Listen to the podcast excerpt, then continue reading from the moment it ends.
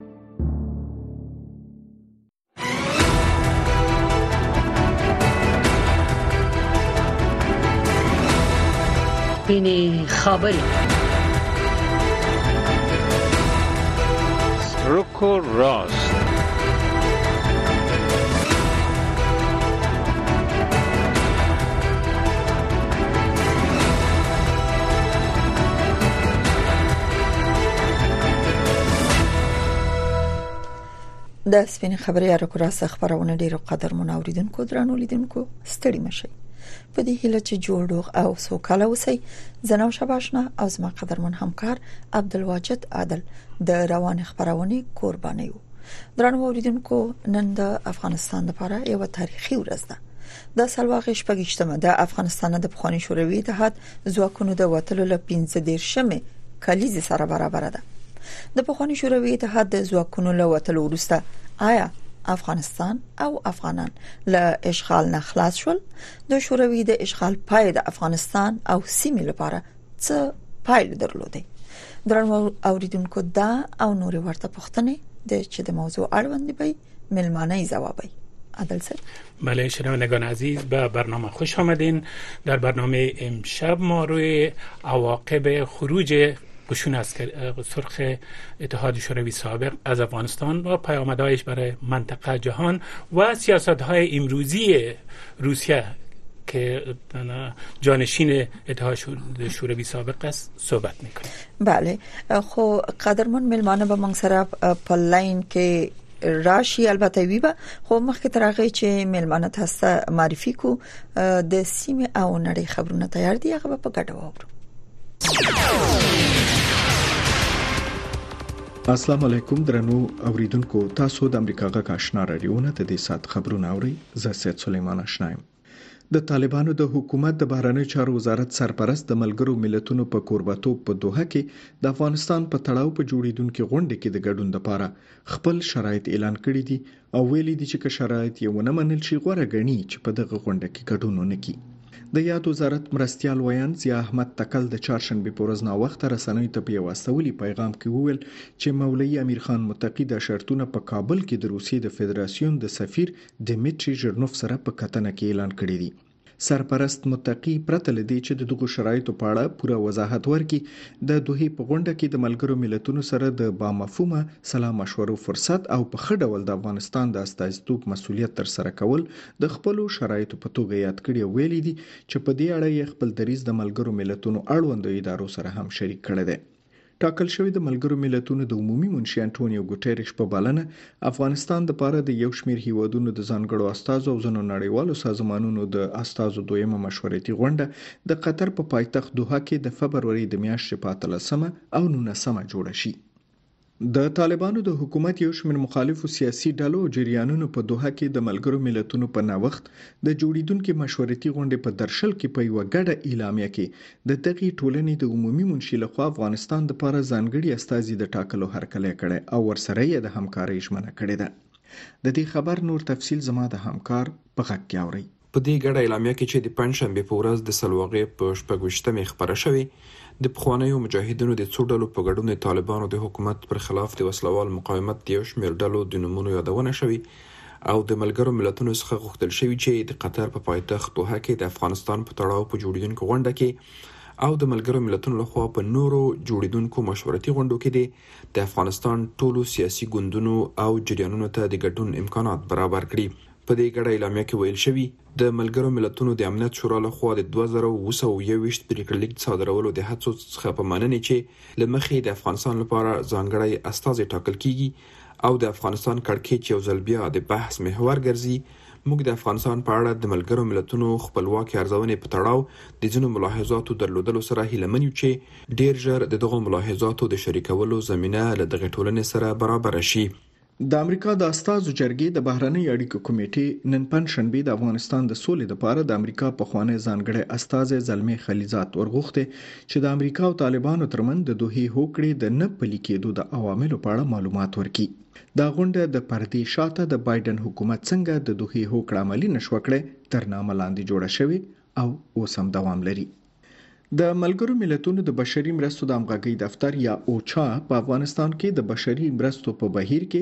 د یو سل اووه دېرش نوو لاسوهنو د ثبت خبر ورکړی او ویل یې دي چې د دغو کړنو له امله مرستو ته اړو افغانانو ته د مرستو رسولو بهیر اغېزمن شوی دی. اوچا د پنجشنبې په ورځ چې د سلواغې شپږیشتمه وه، په یو راپور کې ویلي چې د بشري مرستو د رسولو د بهیر په فزیکي چاپېریال کې اکثره دا کړنې د جګړو څخه اغېزمن شوو کسانو ته د مرستو او خدمتونو د چمتو کولو د محدودیت یا ممانعت سبب شوي دي. اوچا ویلي چې د تیر دوه زره درویشتم کال د ډسمبر او د روان دوه زره څلوېښتم کال د جنورۍ د میاشتې ترمنځ د بشري مرستو په رسولو کې دا ډول لاسوهنو کې دېرش فیصده زیاتوالی راغلی دی. د ملګرو ملتونو د بشري مرستو همغږۍ ادارې ویلي، په مجموعي ډول د جنورۍ په میاشت کې پنځه اویا پروژې د محدودیتونو له امله ځنډول شوې دي چې د دې له جملې څخه شپېته فیصده پروژې د روانې فبرورۍ تر میاشتې همداسې ځنډېدلې پاتې شوي. او نن پنجشنبه د تلوي شپږ ویشتمه د افغانستان نه د پخواني شوروي ځواکونو د وتلو ورځ ده. د نولس نهه اتیا کال د فبرورۍ په څوارلسمه د پخواني شوروي وروستی عسکر د افغانستان نه ووت. طالبانو هم د پخوانیو حکومتونو په څېر دا ورځ په افغانستان کې ملي رخصتي اعلان کړې ده.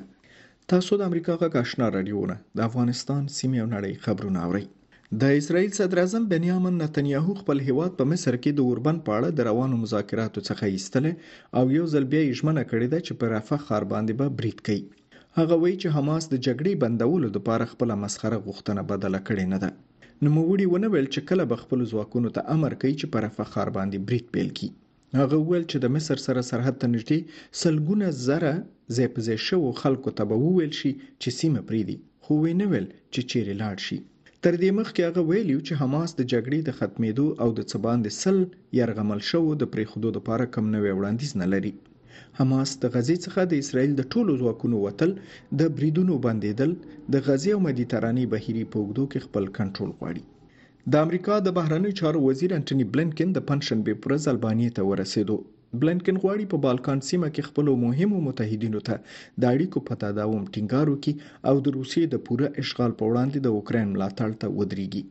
د امریکایي جګپړو چارواکو په وینا البانیا او څو نور ګاونډیان یې په دې هڅه کې دي چې د اروپایي اتحادیې غړیتوب واخلي او بلنکن به په سیمه کې د چارواکو سره د لویدیځ بالکان پر راتلونکې مهمې خبرې هم ولري. واشنګټن د مخه په اروپایي اتحادیه کې د البانیې د شاملېدلو قوي ملاتړ کړی البانیه په پام کې لري چې د همدې میاشتې په وروستیو کې د اوکراین په وضعیت د یوې نړیوالې غونډې کوربتوب هم وکړي او د امریکا یو خصوصي فضایی بیړۍ د پنځشنبه په ورځ د فلوریدا د کینیډي فضایی مرکز نه د سپوږمۍ په لور وتوغول شو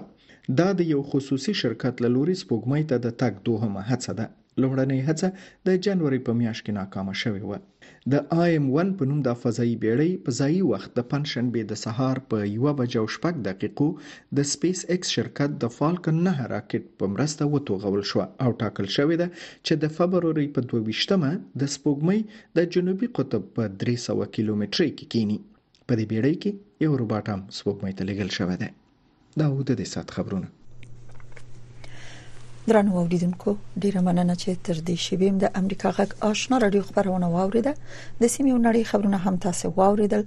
او اوس هم درنه ملمنه چې په خبرونه کې حضور لري تاسو ته معرفي کوم بله شنوندگان عزیز بر مهمانان عزیزی برنامه ما جناب کمال ناصری اصولی عضو ولسی جرګه سابق افغانستان و جناب دکتر صاحب حیدر عدل تلگر سیاسی می باشند که ببینیم ایشان در خط تلفن تشریف دارن اصولی صاحب تاسو پلنک هستی بله و سلامونه تاسو ته او اوریدونکو ته مهربانی تشکر تاسو نه همدارنګه جناب عادل صاحب شما تشریف دارین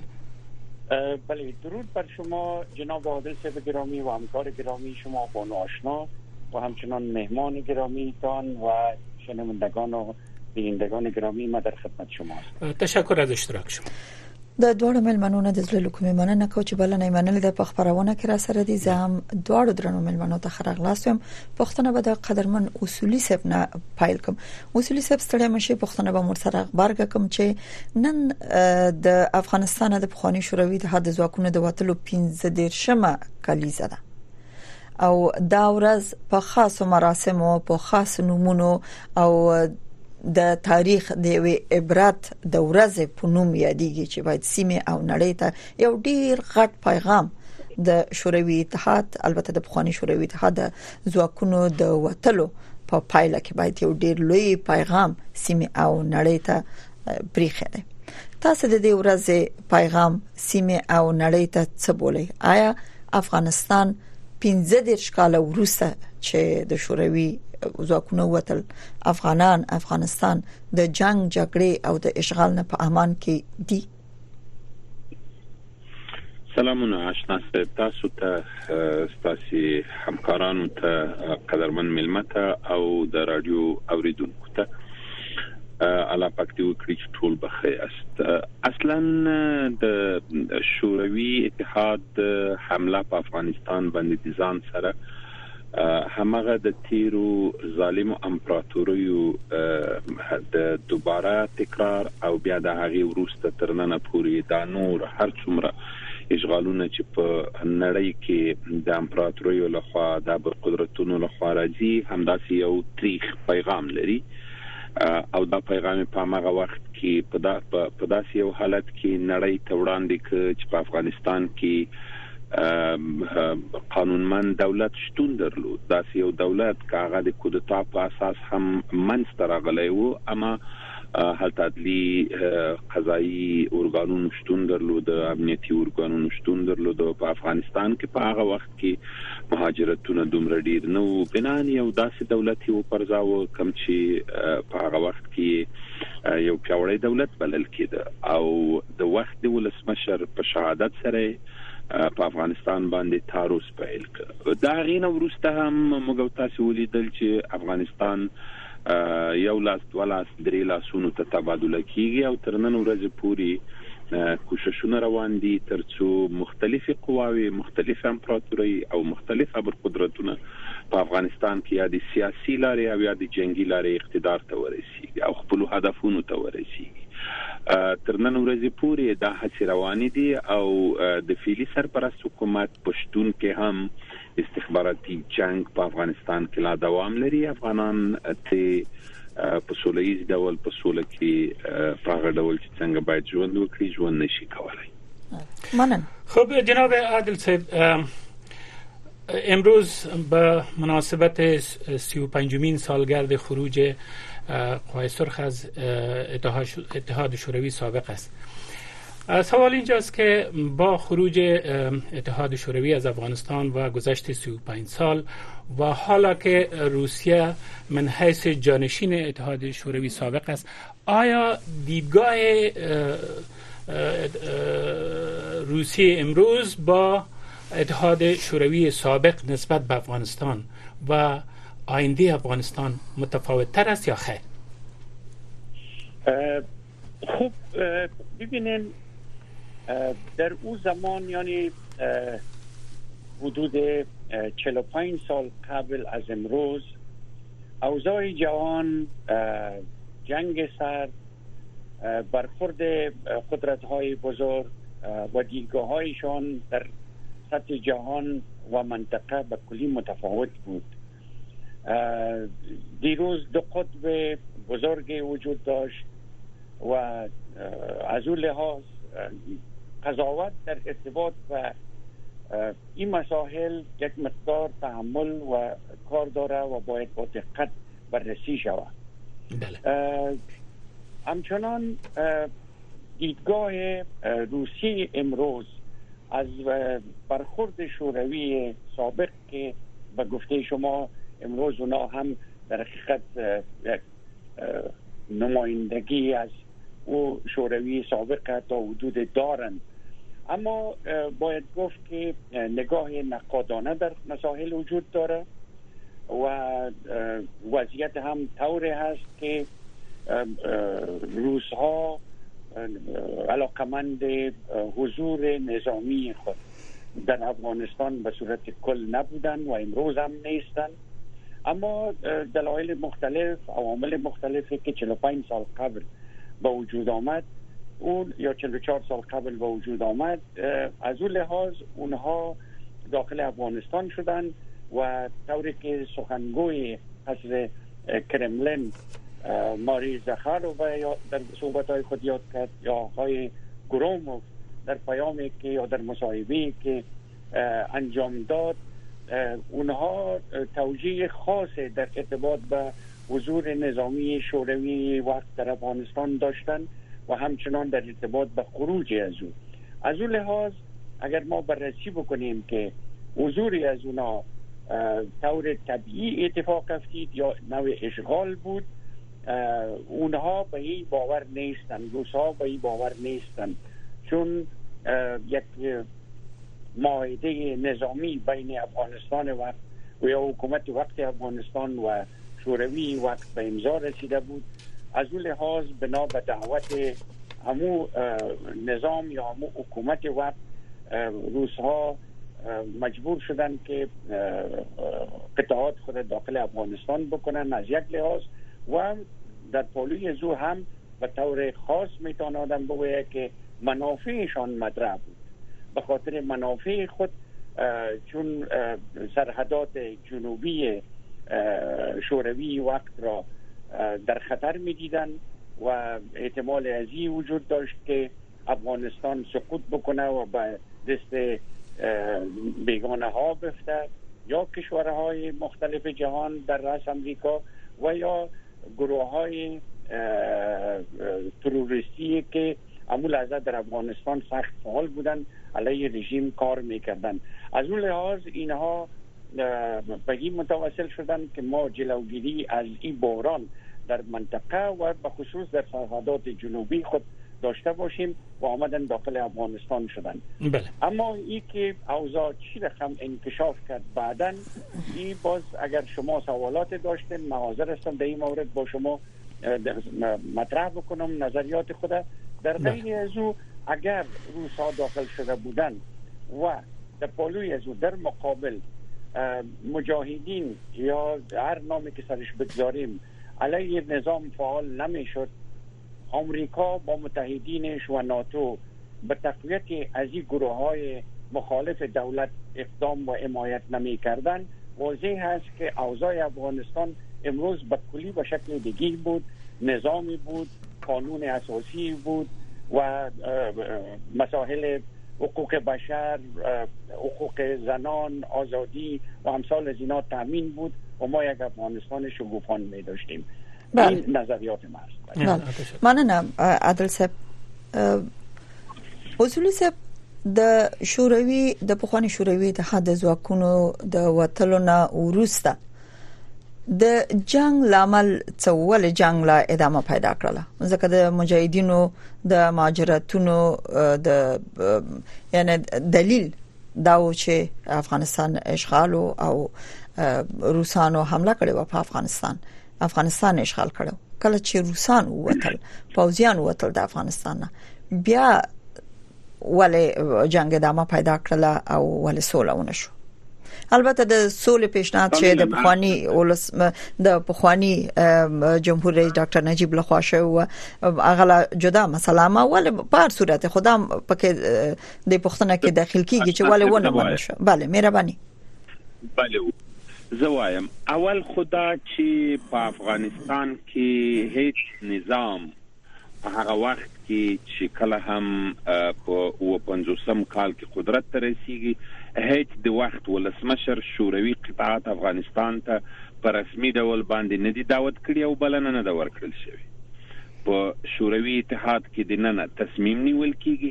او یو تعداد ددوی نږدې د کجیبې انډیوالان ملګري چې په روسیه کې وو که هغه چپي وو که که راستی وو که هغه خلقی وو که یې پرچمی وو د ځان سره یې پنډه کې یووړل افغانستان ته او د وخت ولسمشر یې شهید کړ. دا حقایق تاریخ لیکي او ما په روسیه کې وخت تیر کړی تر ماسترۍ مې درس ویلی زاخار و که د افغانستان اشغال اشغال ګڼي او که نه ګڼي زاخار و به وایي چې روسان د افغانانو همکارۍ ته تللي وو در حال کې څنګه همکارۍ ته ځي چې د وخت ولسمشر ته مړ کړي د هغې ماشومان مړ کړي د هغې کورنۍ شهیدان کړي په کوم اصول باندې بله وو همغو او هغه چې د روسیې نه په ټانکونو کې بیا راغلل افغانستان ته د روسانو سره دوی هم په ګډه د داود خان کورنۍ شهیدان کړي وي ماشومان چې په هیڅ انساني کتاب کې په هیڅ انساني کتاب کې کوم انسان بل انسان ته دومره حق نه ورکوي چې د خلکو ماشومان ووژني د قدرت د اخیستلو لپاره او که د انقلاب نوم ورکوي که د حزب نوم ورکوي که د هر چی نوم ورکوي که د انقلاب کبیر نوم ورکوي مهمه دا ده چې دا ظلمونو صورت موندلی، د دې نه سترګې پټول راتلونکي نسلونو ته په په په هغه ډول دغه انتقال غلط دی په کوم ډول باندې چې باید وشي په هغه ډول ونه شي بناً دا یو اړخ ده دوهم اړخ شوروي اتحاد د جنوبي سرحداتو د ساتلو لپاره، لکه څنګه چې ګران مېلمه وویلې، د جنوبي سرحداتو د ساتلو لپاره که په هغه وخت کې په افغانستان مستقیم تعرض وکاوه، کله هم چې د ډاکټر نجیب د سولې برنامه پیل شوه، روسانو بیا د خپل کيجيبي او د ملګرو د پلان په اساس باندي د ډاکټر صاحب نجيب د سولې پروسه ناکامه کړه، رباني او مسعود ډله يې دعوت کړه ماسکو ته، په ماسکو کې ورسره کېناستل، ولې يې ناکامه کړه؟ ځينو مواردو باندې ورسره تفاهم ته ورسول. بله، روسيې کوم اهداف، وبخښئ، ولې ناکامه کړل او کوم اهداف يې تعقيبول؟ ولې؟ دلایل یې درته وایم. یو دلیل یې دا و چې ډاکټر، دوی په دې بېرېدل چې ډاکټر نجیب د سولې په پروسه کې یو دا چې قدرت په مستقیم ډول هغو اشخاصو ته لاس ته ورځي کوم چې د روسیې د شوروي اتحاد د وخت د شوروي اتحاد د د کنټرول د احاطې نه خارج دي.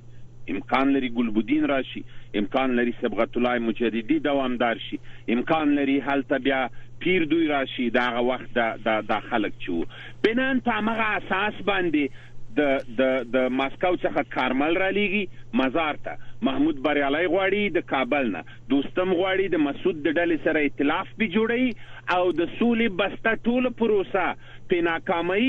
عمده هدف یې دوهم دا و چې خپل جنوبي سرحدات پرې وساتي، هغه د چا په وجود کې؟ د مسعود او دوستم په وجود کې، تر څو د ګلبدین او د نورو سره په جنګ اخته شي، د دوی شمالي سرحدات به تر هغه وخته پورې، جنوبي سرحدات به تر هغه وخته د افغانستان په شمال کې خوندي پاتې شي، تر کومه وخته پورې چې روسیه بیا دوباره.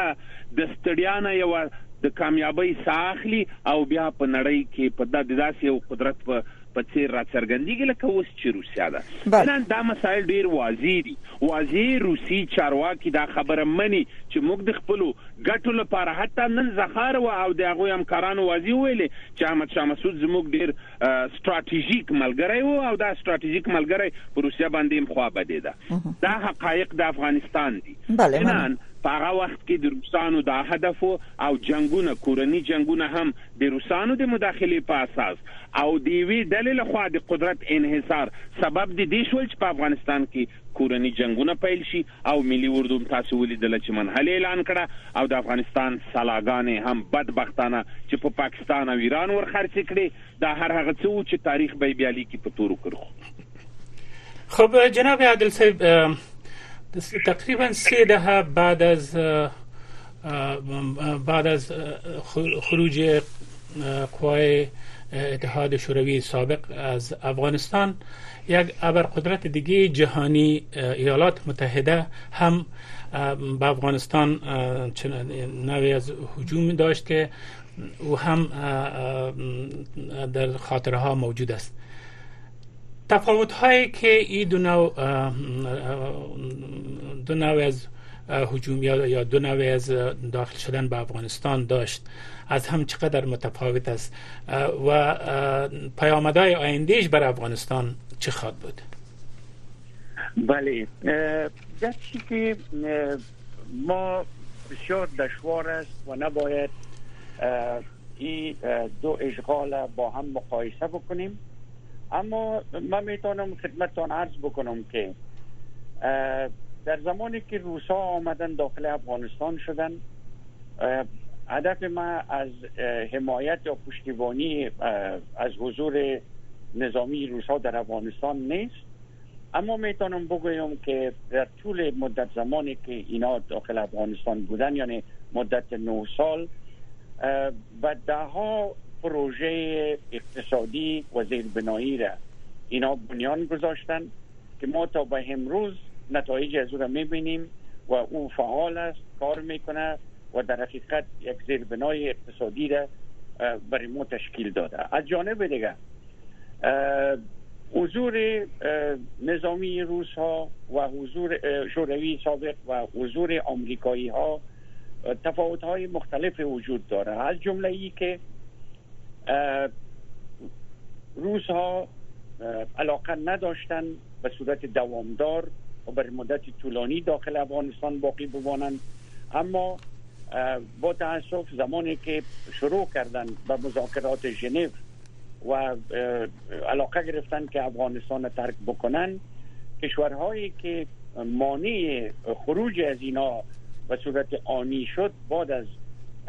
حضورشان یا بعد از یکی دو سال خود آمریکا با متحدینشان بودند که اونا نمیخواستن روسا زودتر افغانستان را ترک بکنند و میخواستن اینا در افغانستان باقی ببانند و هرچی بیشتر اینها را زمینگیر بکنند و انتقام ویتنام سابق از روسا در افغانستان بگیرند متاسفانه افغانستان قربانی جنگ نیابتی شد قربانی دو جنگ دو ابرقدرت شد که خود مردم افغانستان هیچ نقش در این بله. مسئله نداشتن و این دو اب قدرت در حقیقت زور در داخل افغانستان کردند در پالی از او زمانی که روزها رفتن مردم افغانستان تا عدود ثبات داشتن رژیم هایی که در اون زمان فعال بودن در بین مردم کار میکردن خدمات بسیار همه جانبه را انجام میدادند و ده ها لست دیگر می میتونیم به اصطلاح اضافه بکنیم با این خدماتی که صورت گرفت اما در موجودیت حضور نظامی آمریکا و ناتو خب تا جایی که دیده میشه خدماتی که انجام گرفت کارهایی که صورت گرفت همه روبنایی بود و بیشتر مردم افغانستان مردم خودشان کار کردند آبادی اگر کردن ساختمان اگر کردن خود مردم کردن اما یا دولت امریکا یا متحدینشان ناتوق در مجموع و یا دولت های دست نشاندهشان که در افغانستان فعال بودن کار زیربنایی و کار بنیادی که بتانه اقتصاد کشور از بحران نجات بده چیزی صورت نگرفت متاسفانه آقای اشرف غنی در آخرین ماهای حضورش رئیس رئیس جمهور در افغانستان در یکی از کنفرانس های بین المللی به اعلان کرد که 75 فیصد مردم افغانستان زیر خط فقر زندگی می مردم از گرسنگی فرزندای خودم مفروشند خانواده ها و دخترای خودم بله. این متاسفانه پیامدهای حضور نظامی آمریکا و متحدینش در افغانستان بود گذشته از او تمام های مدرن را که هنوز در دنیا تجربه نشده بود و ناتو و امریکا اونا را ساخته بودند بله. او ها در افغانستان استعمال شد استفاده شد امتحان شد از جمله بم مادر من. ما همه شاهد هستیم که در ننگرهار از او استفاده کردند تشکر نه اصولي صاحب د عادل صاحب د خبرو په اساس چې هغه وخت چې شوروي ماته خوړه په افغانستان کې د ویتنام د جنگ په انتقام کې د امریکا یو هڅه و د روسي د امریکا د حضور نه په افغانستان کې تر دې نه نه پوري د روسي دخالت د افغانستان په مسایلو کې خان د روسیا د افغانستان گاونډي دی د مرکزی اسیا هیوادونه په ټوله کې د افغانستان گاونډي هیوادونه دی په ډیرو مسایلو کې به اقتصادي سیاسي ډیپلوماټیکي اړیکې لري اما په ځینو مواردو کې فکر کوي چې دغه د روسي ځینو مواردو کې دخالت یا طالبانو ته نزدېکت اوس یا نورو رژیمونو کې د روسي نزدېکت د اماغه انتقام پایله ده چې دوی مثلا د امریکا په وټلو کې چې اوس روسي خپل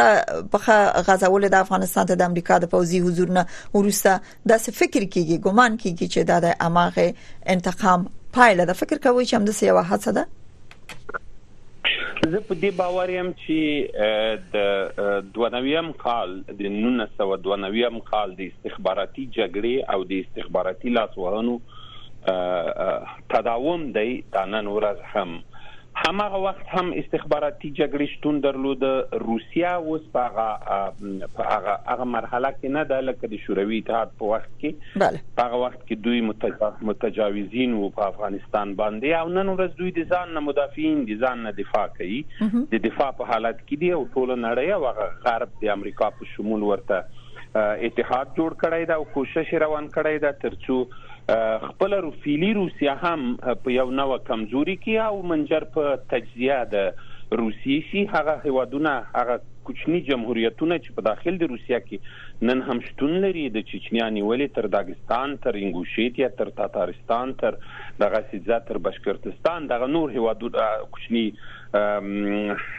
جمهوریتونه چې هلته شتون لري منجر د دوی په ازادۍ شي بنان په دې کې په کل کې د امریکا ګټه ده د امریکا او د امریکا د متحدینو دلته استخباراتي جګړه د انګلستان او روس ترمنځ روانه ده او امریکا هم د انګلستان تر څنګ ولاړ دی بحث د افغانستان په فعلی حالت کې په هغه وخت کې که د ویتنام د جنگ مسله هم وی بلکې بلې وو د دوی ترمنځ جنجالونه د هغه وخت نه پیل وو د جرمني مسله ګوره چې نیم کړی وو په منځ باندې شوروي اتحاد د جنگ جهانی دوام جنگ جهانی مسله دغه سب سراجه د ویتنام مسله بیا د افغانستان مسله پیخیږي هر ځای کې بچي کوم طرف ته بچي شوروي او د بل طرف کې به د نورو جبهې جوړولې نن ورځ د افغانستان قضیه لګ متفاوته ده هغه دا ده چې په 92 کال کې کله هم چې امریکایانو یا د ځان د ګټې په خاطر یا یا یا هر هغه څه چې وو د دوی سره په فکر کې په دې باندې په 2012 کې بخنه غواړم چې دوی تصمیم نیسي چې طالبانو ته په قطر کې دفتر خلاص کړي روسي استخبارات هم په دې باندې باورمند کیږي چې یو وخت کې به طالبان قدرت ته رسیږي او هغوی خپل کار پیل کړ ترڅو د طالبانو سره نږدېوالی وخی ترڅو حد اقل روسان یې وګټه وکړي خپل جنوبي سرحدات په امن کې کړي دوی هم دا هدف وو د د د د د دې په خاطر نه چې د امریکا نه کوم غچ واخلي بلکې هدف دا و چې خپل جنوبي سرحدات په امن کې وساتي او څنګه دغه بله وبخې خبرم په ګل بدله مجاهدینو شوروي اشغالګر بالا او طالبان امریکا اشغالګر بلی البته عادل صاحب زما قدرمن همکارم مخکې په یو رقم دغه پښتنه د عادل صاحب نه مطرح کړه اما لیو لنډه توضیح چې د امریکا راتګ ته په افغانستان کې اشغال ویل شو البته د امنیت شورا تعهدات خبرې ټول ته پکاتو غواړم چې تاسو نه اوریدونکو واوري چې دغه مسله باندې سر خلاص شي روس څنګه راغله او امریکا څنګه راغله افغانستان ته د دوړ د مقایسې وړ دي کاملا لږ متفاوت نظر ورته لرم هغه دا چې مثلا کله چې امریکایان افغانستان ته راتلل په هغه وخت کې په افغانستان کې اوه اته ډلې حاکمې وي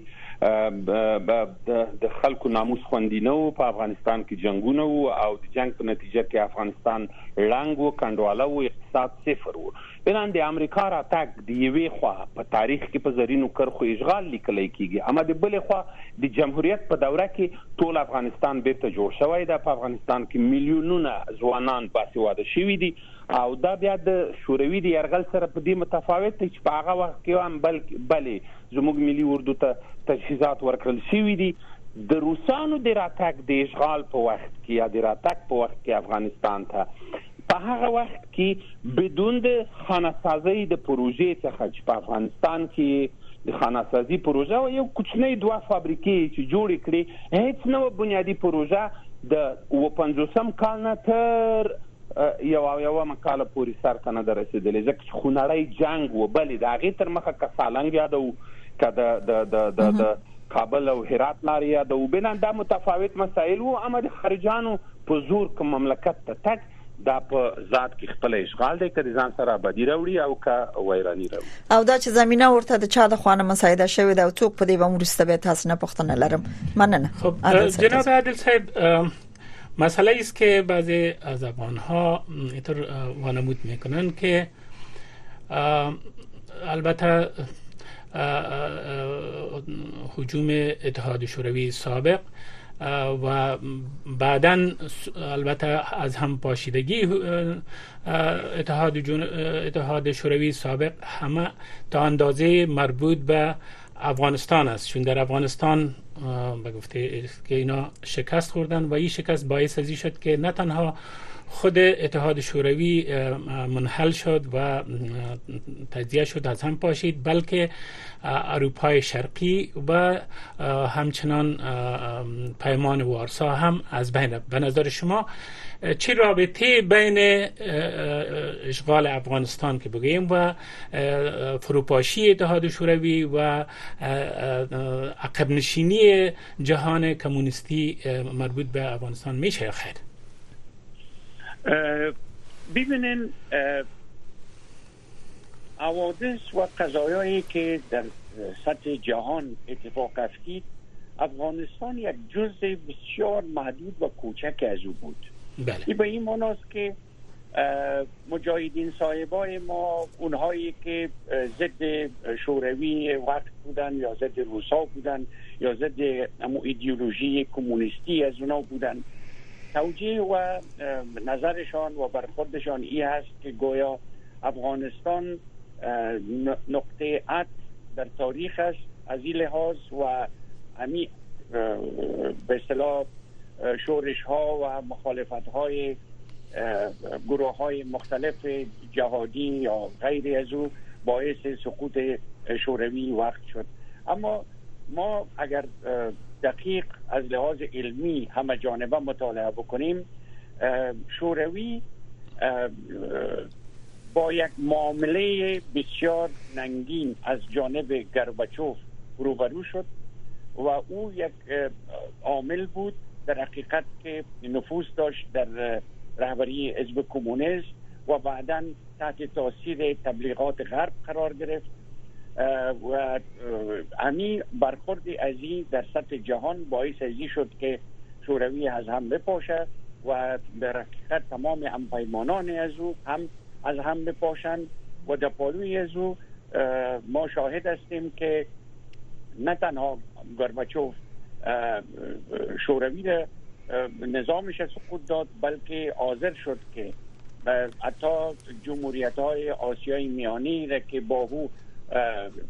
متحد و هم پیمون بودن و در, در یک خطعه قرار داشتن یعنی شامل یک کشور بزرگ و پناور بودن اونا را هم تجزیه بکنه و هم سال از اینا بناهن افغانستان جزی از است از افغانستان کرده برای روسیه برای سطح جهان ببینین کشورهای اروپای شرق بالاتر و با اهمیت تر بود مثل پولند مثل هنگری مثل بلغاریا مثل یوگسلاوی های و امثال از اینا از این لحاظ افغانستان یک قطره در این بحر پرتلاتم حوادث او زمان است خواهی نخواهی من نمیتونم بگویم که هیچ تاثیر نداشته واضح هست که تاثیرات منفی خود داشت اما این یک قطره بود در همون حوادث از این لحاظ اگر مردم مردم افغانستان یا یک تعداد مخالفین رژیم های وقت افغانستان چنین ادعا میکنن یا مجاهدین صاحبای ما چنین ادعا میکنن که گویا ما بودیم که دیوار برلین از بین بردیم ما بودیم که شوروی را سابق از بین بردیم این عین معنا را میده که طالب های ما یا مخالفین رژیم آقای کرزی و اشرف غنی ادعا بکنن که ما آمریکا را سقوط دادیم آمریکا را از افغانستان کشیدیم و اینا را مجبور سازیم ساختیم که افغانستان از افغانستان برای بله. در حالی که آمریکایی ها ما همه مشاهد هستیم که اگر میخواستن همون طوری که آقای خلیلزاد بر یک مصاحبه خود به صورت بسیار علنی واضح و با افتخار گفت که آمریکا وقتی که در یک کشور داخل میشه از هیچ کشوری از هیچ مرجی از یک سازمان بین المللی اجازه نمیگیره بله. و وقتی که خارج هم میشه از کسی اجازه نمیگیره که خارج میشه و حتی ادعا کرد که هر زمانی که ما خواسته باشیم میتونیم دوباره داخل افغانستان شیم و باز به افغانستان اشغال بکنیم بناهن این قدرت ها چی شوروی وقت چی آمریکای امروز اگر نمیخواستند که از افغانستان برایند اونا را کس به زور کشیده نمی بله ممنون عادل صاحب ممنون ممنون اصولی صاحب تاسو د روسي طبعا مخکې تاسو یادونه وکړه چې تاسو ډیر وخت تیر کړی تاسو له لوړ زده کړې ټول هلته په تاریخ د روسي یا علاقمندي یعنی دا ټول موضوعات تاسو حل دي سره په اخلاص دي د روسانو د وتلو یعنی د افغانستان د روسي ځواکونو د او بخې د پخوانی شوروي اتحاد ځواکونو د وتلو هغه لوی لامل یا سبب څو ټکي په تاریخ کې خودل شوې دي زما پوښتنه دا ده چې آیا د مجاهدینو د جنگ فشارو نړیوال فشارو که د نن په د هغه وخت شوروي اتحاد کې د برژنف د مړینې نه ورسته هغه جنگي ډلې یا هغه څه ویم هغه ادارې چې د جنگ تمویلون کې یو رقم علاقه بیرته کما شوی و د افغانستان جنگ کې هغه اصلي لامل څه شي زما په اند باندې اصلا د شوروي اتحاد معضله د د د د دغه دوه قطبي معضله په هغه وخت کې د نړۍ د یوې خوا په اقتصادي لحاظ د امریکا او د هغې د متحدینو ډیر پیاوړی توب او د بل خوا د د شوروي اتحاد په اقتصادي لحاظ کمزوري کېدل وو دا اقتصادي کمزوري کول حتما د افغانستان جنګ هم ورباندې تاثیر ګزاره و او د دې ترڅنګ دا پټه نه ده چې روسان وایي موږ دغه شپاړس جمهوریت چې په څنګ کې ساتلی و دا ټول موږ ساتل او بودیجه موږ ورکولې پیسې نو دا هغه څه چې د دوی اقتصاد کمزوري کړي کمزوري اقتصاد په نتیجه کې خو حتما جنگونه نه کیږي جنگونه مخکې نه نه وړل کیږي او خپل په داخل کې په داخل کې د روسانو هم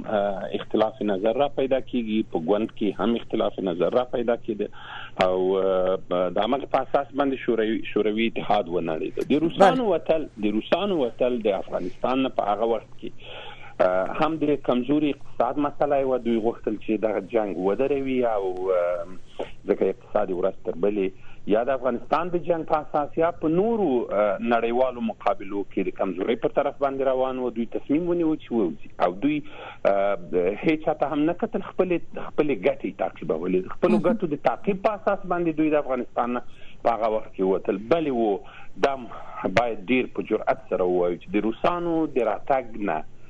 وروسته د روسانو تر وتلې پورې په افغانستان کې جهاد شتون درلود بله. او وروسته د هغې نه چې روسان د افغانستان نه ووتل اشنا صاحب د ډاکټر صاحب نجیب د حکومت سره په خپله د افغانانو سره یوه ورځ جنګ هم خیانت او او او او دا یو څه غنم چې د افغانستان په تاریخ کې باید په تورو کرخو ولیکل شي افغانستان وران ک افغانستان ملي وجود د منځه یو وړ بنا هغه کورنۍ جګړه و او د کورنۍ جګړې په نتیجه کې تاسو ولیدل چې بیا موږ تاسو د دوهم اشغال شاهدان اوسېدلو لاملونه مخکې تاسو په سوال کې و خبره وکړه چې لاملونه یې څه د امریکایانو د راتګ لامل هم خپل جنگي ډلې په افغانستان کې د همدغه جنگي ډلو د د جنجالونو د د وحشتونو په نتیجه کې افغانستان ته امریکایان راغلل هیڅ یو ځوان چې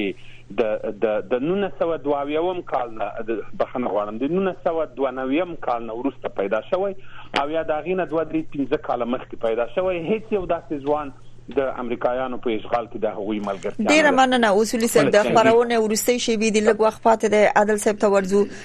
پوښتنې که لنډې ځواب شي چې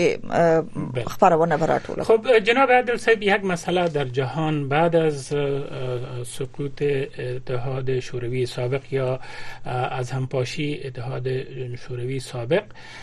به وجود آمد که قبلا جهان بیشتر به دو قطب قطب اتحاد شوروی و قطب امریکا و یا جهان غرب و جهان اروپای شرقی یا اتحاد شوروی بود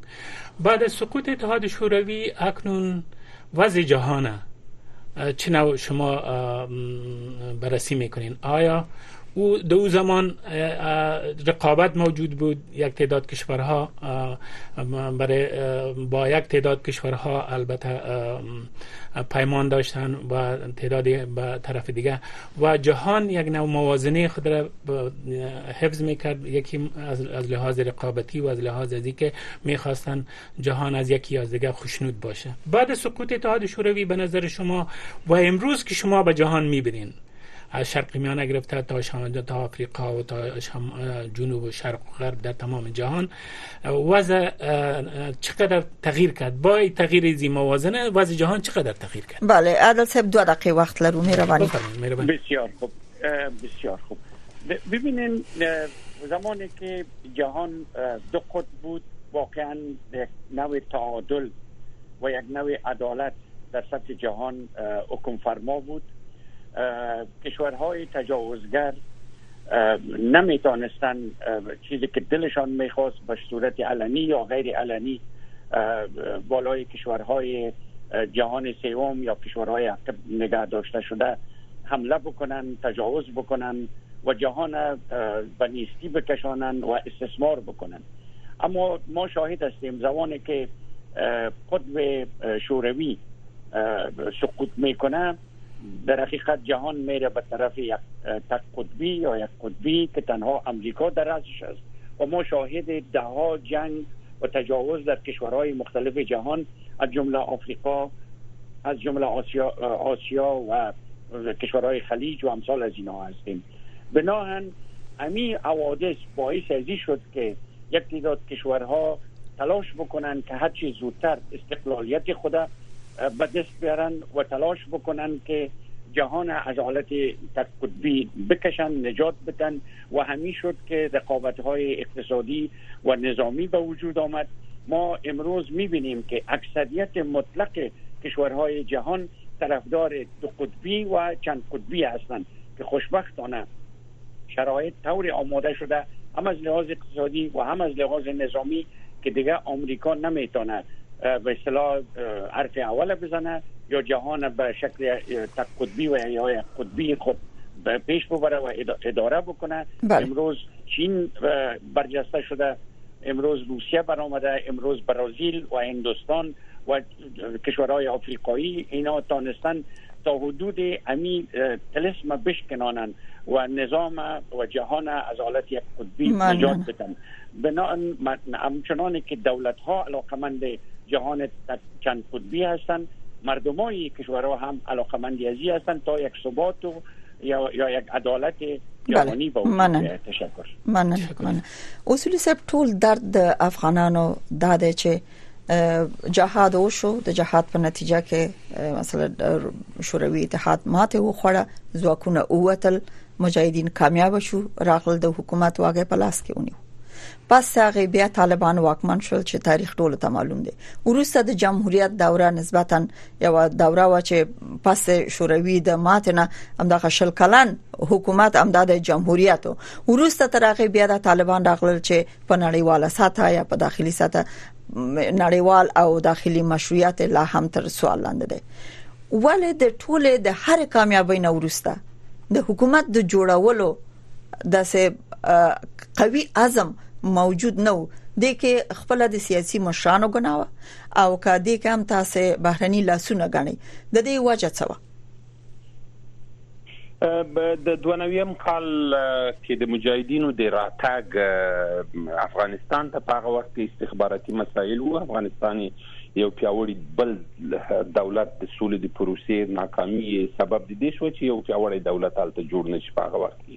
چې په نتیجه کې د نجیب په نجیب باندې کودتا کیږي هغه تاسو تاریخ درته معلوم دی دغه څه په راځي د جمهوریت مسله جمهوریت کې یعنی یعنی میلیونونه وبخی میلیونونه کسانو ژوند له لاس ورکړل د افغانانو یعنی لکونه کسانو ژوند له لاس ورکړل میلیونونه کسان د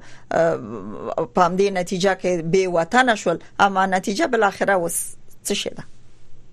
کاملا تاریخ تاریخ هغه سری چې د ډاکټر نجیب د سولې پروسه ناکامه کړه د روسانو د وټلو نوروز ته په افغانستان کې جنگ کاوه هغه به د خاینینو په صفت باندې لیکي هر څوک چې وي هغه مهمه نه ده چې څوک دی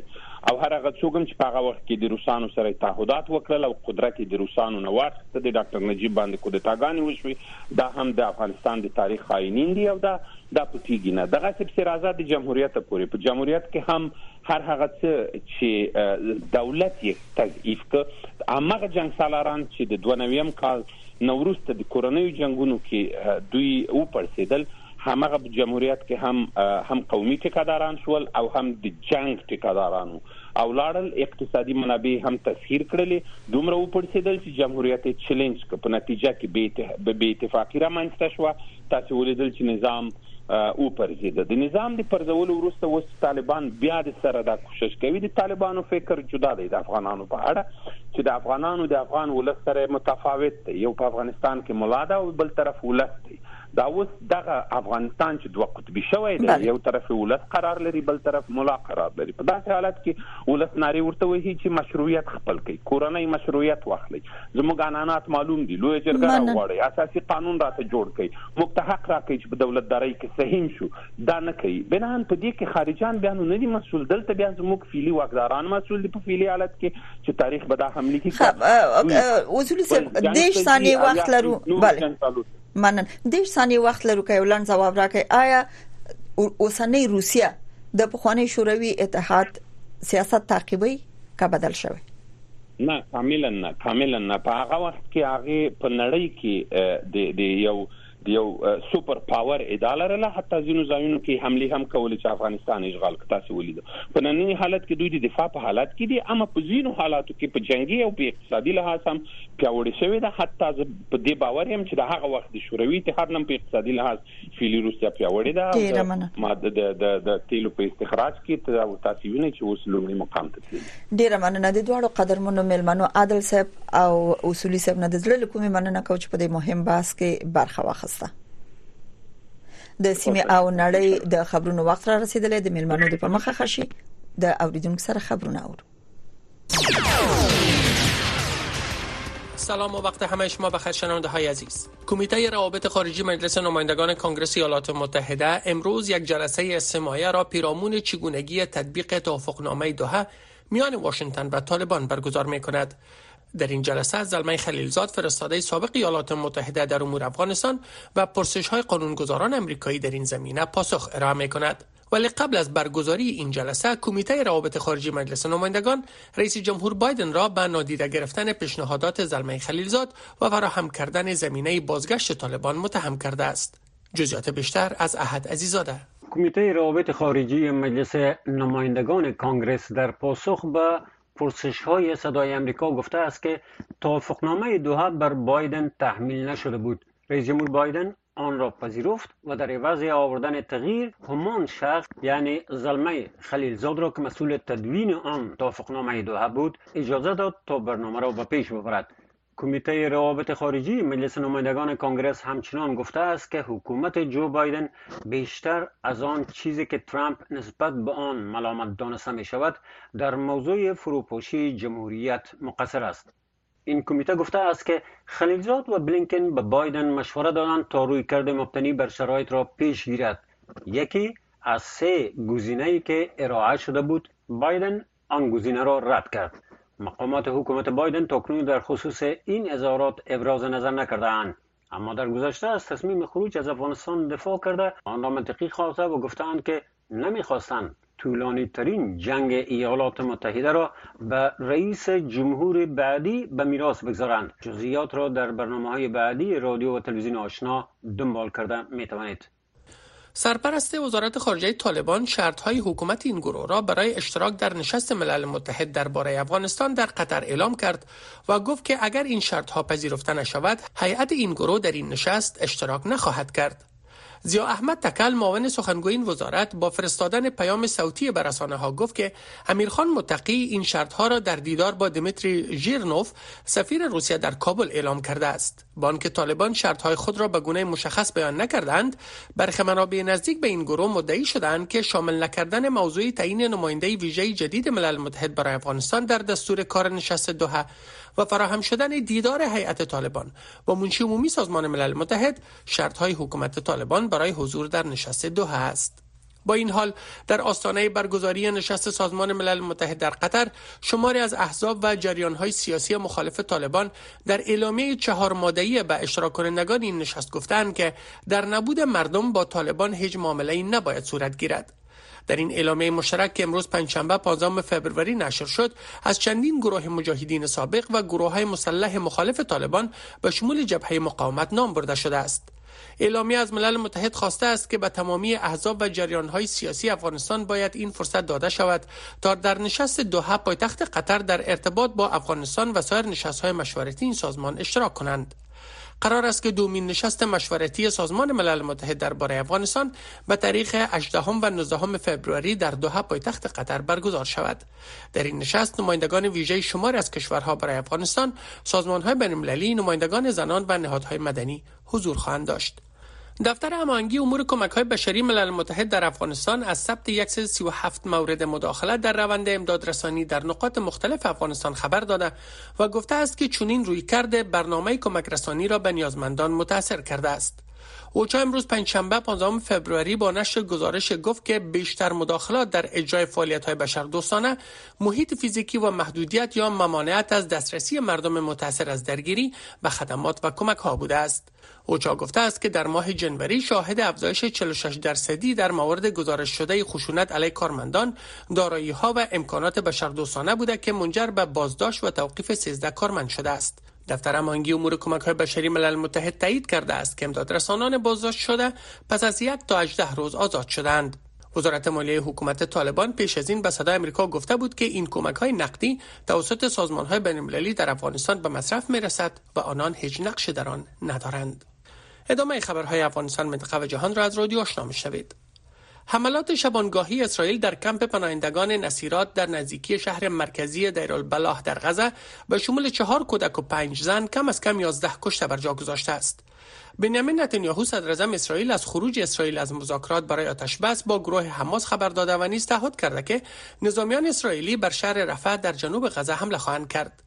نتانیاهو گفته است که گروه حماس خواستهای به گفته وی مزهک خود را برای آتش بس تغییر نداده است دفتر نتانیاهو پیش از این گفته بود که اگر حماس موقفش را تغییر دهد زمینه برای پیشرفت مذاکرات مساعد خواهد شد دانیال هاگاری سخنگوی اردوی اسرائیل امروز شنبه گفت که معلومات با اعتبار استخباراتی هاکیست که گروه حماس گروگانها را در شفاخانه شهر خانیونس نگهداری کردند جزئیات بیشتر از رویا زمانی نیروهای اسرائیلی امروز بر شفاخانه ناصر در جنوب غزه ساعت پس از آن حمله کردند که باری نیروهای اسرائیل یک مریض را کشت و شش تن دیگر را در محوطه شفاخانه مجروح ساخت. آگاری گفت که نیروهای اسرائیلی در شفاخانه خان یونس عملیات دقیق و محدود را انجام می دهند و با زور دکتران و بیماران را مجبور به تخلیه نمی کنند. او افزود که معلومات معتبر استخباراتی نشان می دهد که حماس در این شفاخانه ها را نگهداری کرده و ممکن هنوز هم در آنجا باشند. اردوی اسرائیل دستور تخلیه شفاخانه ناصر و مناطق اطراف آن را ماه گذشته صادر کرد اما مقامات صحی غزه میگویند که هیچ نقطه در باریکه غزه دیگر مسئول نیست تا کسی یا گروهی از افراد در آنجا پناه گیرند و مقامات روسی امروز پنجشنبه گفتند که در اثر اصابت یک میزایل بر شهر بلگراد روسیه 6 نفر به شمول یک کودک کشته و 18 نفر دیگر مجروح شدند. ساعت پیش از آن روسیه 20 فر راکت کروز و میزایل های بالستیک را بر ساحات وسیع اوکراین شلیک کرده چندین منطقه را هدف قرار داده است. این حملات پس از آن صورت میگیرد که حملات نیمه شب گذشته بر یک ساختمان اپارتمان ها در اوکراین پنج کشته بر جا گذاشت وزارت دفاع روس اعلام کرد که 14 میزایل توسط سیستم دفاعی میزایل منهدم شده است پایان خبرهای افغانستان منطقه و جهان از رادیو آشنا صدای امریکا درنو اوریدونکو د سپین خبري اره کورس خبرونه په همدې ځای پای ته ورسیده لا پامم ډیر مننه چې تر پایم د سپین خبري اره کورس خبرونه واوریده نو د استډیو سات اجازه نه راکې وخت هم دومره او عادل صاحب بله برنامه ما در اینجا به پایان میرسد تا برنامه آینده شما را به خداوند بزرگ و یکتا میسپاریم قدرمنو اوریدونکو درنو لیدونکو په راتلونکو خبرونه کې چنن او وضعیت ده زمون قدرمنه همکار شایسته جان سعادت لامی قربانه ده او په دې به د ملما سره غږیږي چې د دوه له غونډې د طالبانو توقع څه ده په کوم شرایطو دوی د دوه په غونډه کې ګډون کوي په همدې د دې بحث د اوریدو لپاره بیا هم موږ سره اوسئ